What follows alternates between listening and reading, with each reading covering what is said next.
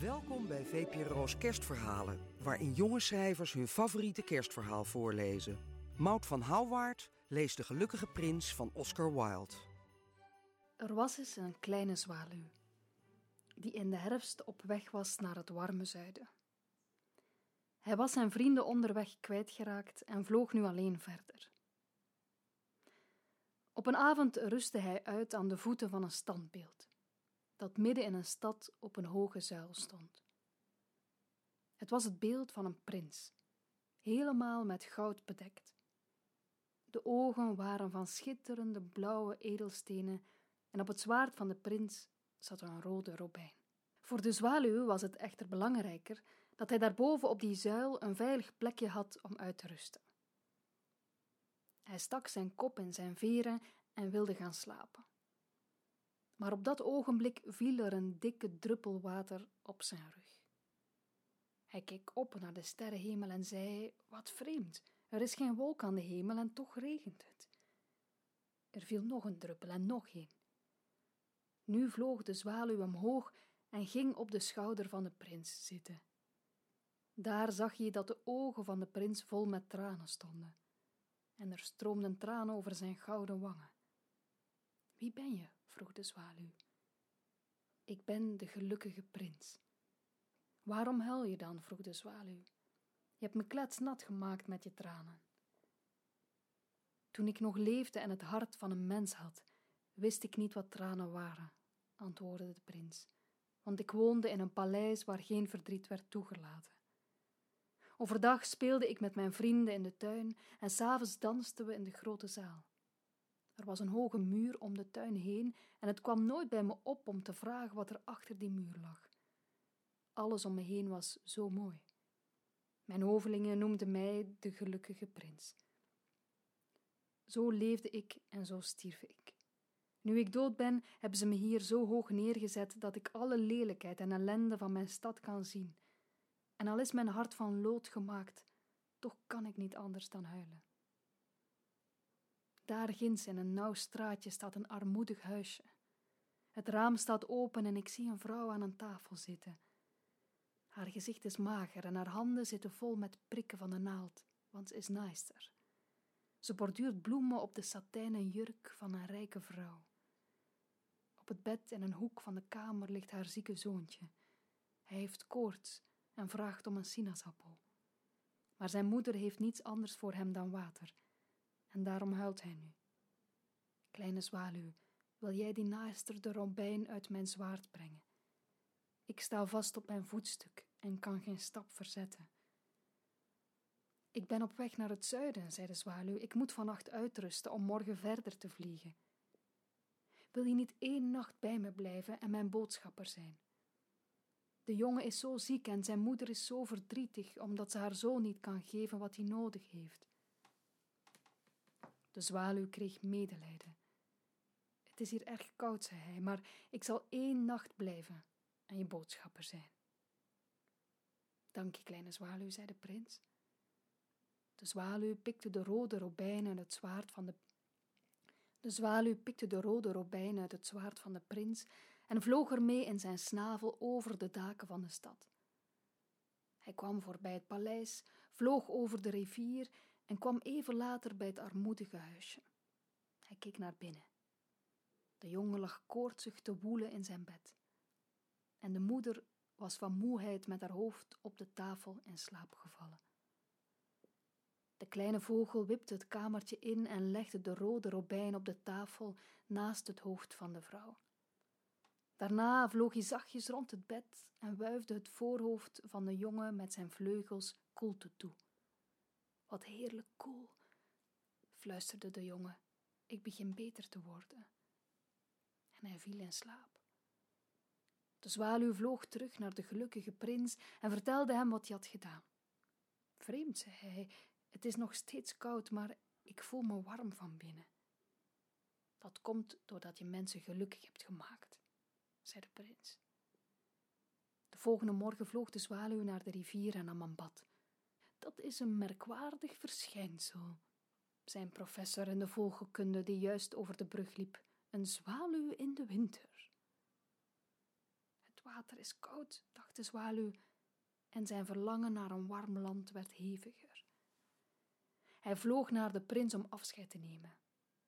O kleine zwaluw, zei de prins, wil je niet nog één nacht bij me blijven? In de verte, aan de andere kant van de stad, zie ik een jonge man op een zolderkamertje zitten. Hij zit gebogen over een tafel vol met papieren. Hij moet een toneelstuk afmaken, maar hij kan niet meer schrijven van de kou en hij is zwak van de honger. Goed, ik blijf nog één nacht, zei de zwaluw. Moet ik hem ook een robijn brengen?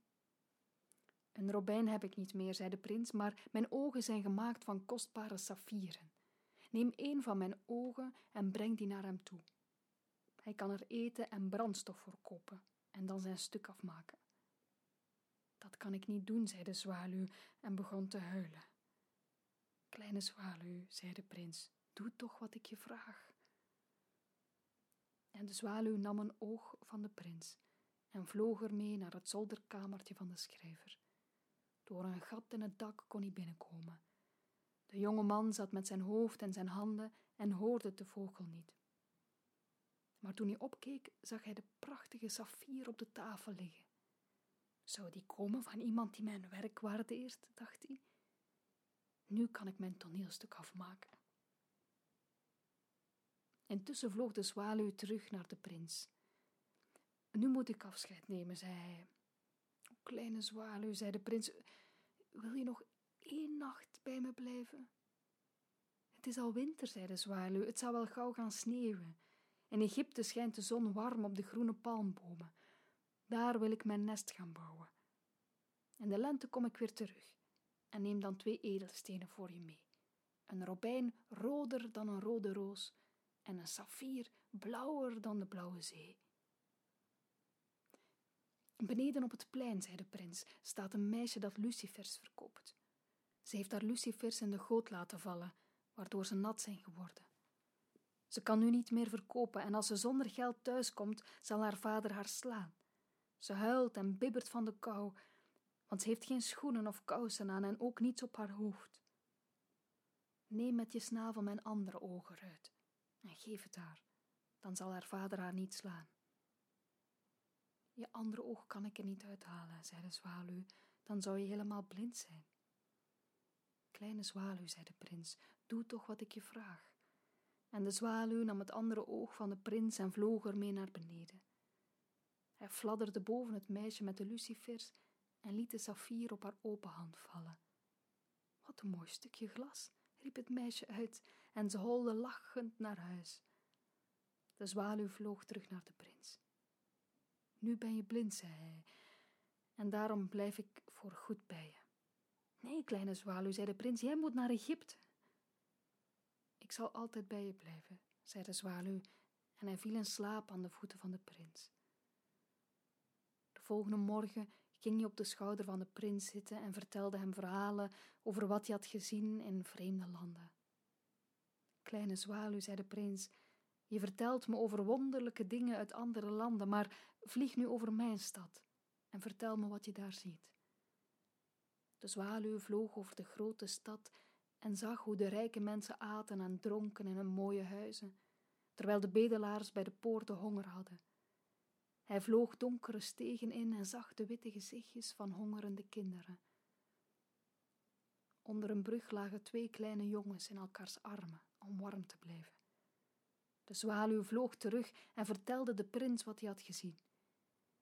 Ik ben bedekt met goud, zei de prins. Neem het stukje voor stukje van me af en geef het aan de armen. En de zwaluw deed wat de prins hem vroeg. Telkens vloog hij met een stukje bladgoud in zijn snavel naar de stegen waar de arme mensen woonden. En de gezichtjes van de kinderen kregen kleur. Ze lachten en speelden op straat. We hebben nu brood om te eten, riepen ze. Maar de gelukkige prins werd langzamerhand helemaal grauw en grijs. Toen kwam de sneeuw en het begon te vriezen.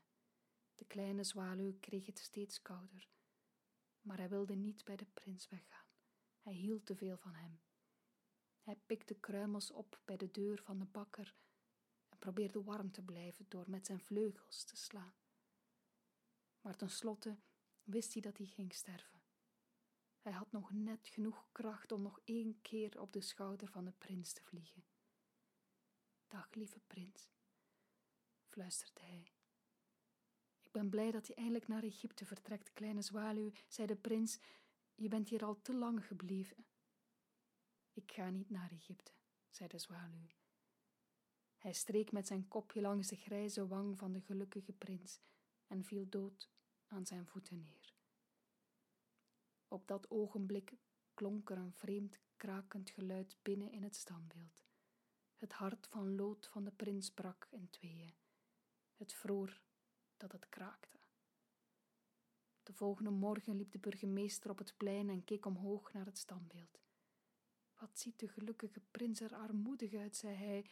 De robijn is uit zijn zwaard gevallen, zijn ogen zijn weg en hij is niet meer verguld. Het lijkt wel een bedelaar. En hij gaf opdracht het standbeeld af te breken. Het werd in de smeltoven van een gieterij gesmolten. Maar het lode hart wilde niet smelten in het vuur. Daarom werd het op een vuilnisbelt gegooid. Daar was ook de dode zwaluw met het vuil van het plein terechtgekomen. Maar in de hemel zei God tegen een van zijn engelen: Breng mij de twee kostbaarste dingen van die stad. En de engel bracht hem het hart van lood en de dode vogel. Je hebt goed gekozen, zei God, want deze kleine vogel zal in de tuin van mijn paradijs voor altijd zingen, en de gelukkige prins zal in mijn gouden stad wonen. Wil je meer kerstverhalen horen? Ga dan naar vpro.nl/kerstverhaal.